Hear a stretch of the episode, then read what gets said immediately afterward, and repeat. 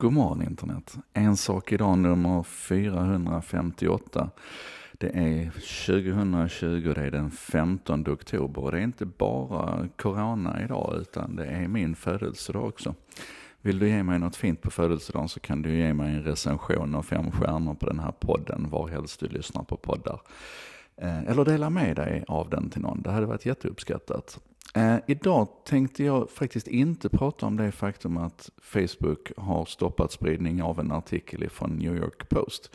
Nu är det lätt att tro att New York Post är samma sak som New York Times, det är det inte. New York Post är en, en jäkla skittidning. Men det är ändå intressant att man nu i det här sociala nätverket tar beslutet att stoppa en post ifrån vad som ändå är en, en traditionellt hyfsat erkänd eh, tidning, nyhetsmedia. Men det var inte det jag skulle prata om. Det, det, där behöver vi bara fundera på, för det är det här sluttande planet som bara blir brantare och brantare. Utan vad vi ska prata om det är Seeing AI. Jag tror jag har pratat om det en gång tidigare och det är alltså Microsofts app för att eh, hjälpa blinda, svårt synskadade att eh, orientera sig i världen omkring dem. Eh, den kan läsa upp texter, den kan eh, identifiera färger, den kan med en, jättehäftigt är det egentligen, om du, om du väljer det som heter light, där är liksom olika kanaler, om du väljer det som, den kanalen som heter light, så får du en hög ton när det är ljust och så får du en mörk ton när det är, när det är mörkare.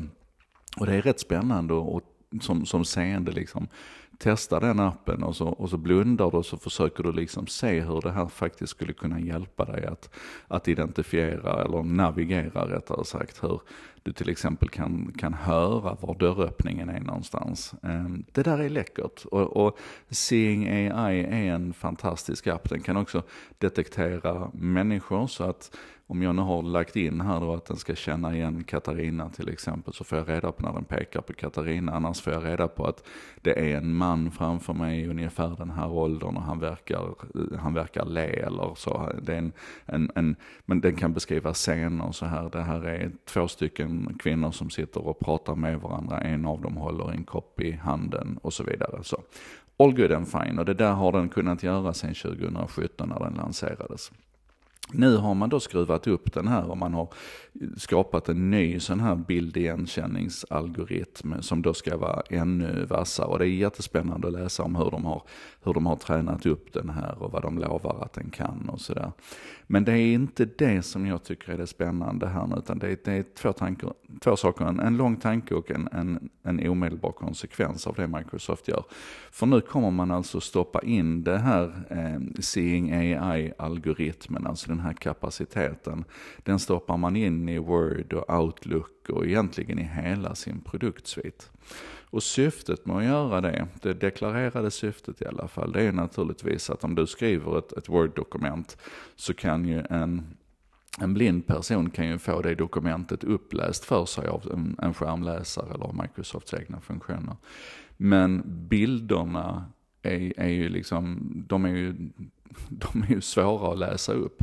Så då har man ju sedan lång tid tillbaka det som man kallar för en alt caption, alltså man ska beskriva det som finns på bilden i text. Och det är inte en bildtext liksom så, utan det är ju en beskrivning av det som finns på bilden.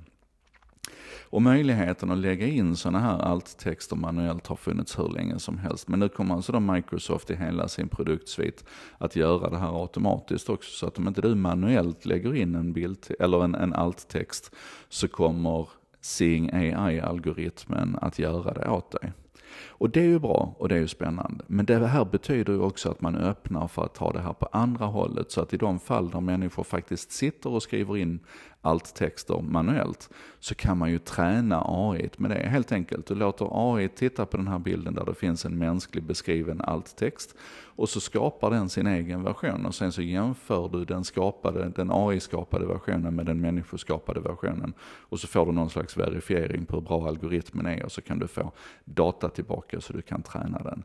Det där är ju fantastiskt. Men då tänker jag så här, på tal om att träna den här algoritmen. Nu är det ju på gång med lite smarta glasögon och sådär.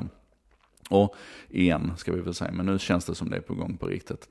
Tänk om du kunde, i de här glasögonen, så, så när du liksom, den ligger hela tiden och registrerar. För det här gör ju att den blir, den här algoritmen gör ju egentligen att att bildseendet här, att det blir kontextkänsligt. Så den skulle ju kunna hålla koll på var du lägger dina glasögon eller var du lägger dina nycklar någonstans. Den skulle kunna hålla koll på att nu stod du vid spisen och satte på en gryta här på, på sjuans värme. Om du inte har tittat till den spisen på tio minuter så är det ju hög tid att göra det.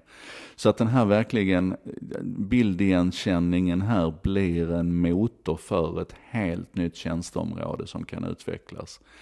Men innan vi är där så skulle jag egentligen vilja att vi tog den här träningsfunktionen längre. Jag hade ju jättegärna gått omkring med ett par sådana här glasögon på mig och åtminstone så länge jag var ensam så kunde jag ju tränat dem. Så att jag går helt enkelt och berättar vad jag gör hela tiden. Nu tar jag en kopp kaffe härifrån kaffekokaren och nu lägger jag mina nycklar här och nu sitter jag här vid datorn och skriver ett brev och, och nu går jag till garderoben och letar fram toalettpapper. Och, ja men ni fattar, alltså jag hade ju tyckt det var en, en underbar möjlighet att få hjälpa till och träna upp vårt nya sammanhangsberoende, kloka, förstående bildigenkänningsmodell här. Mm.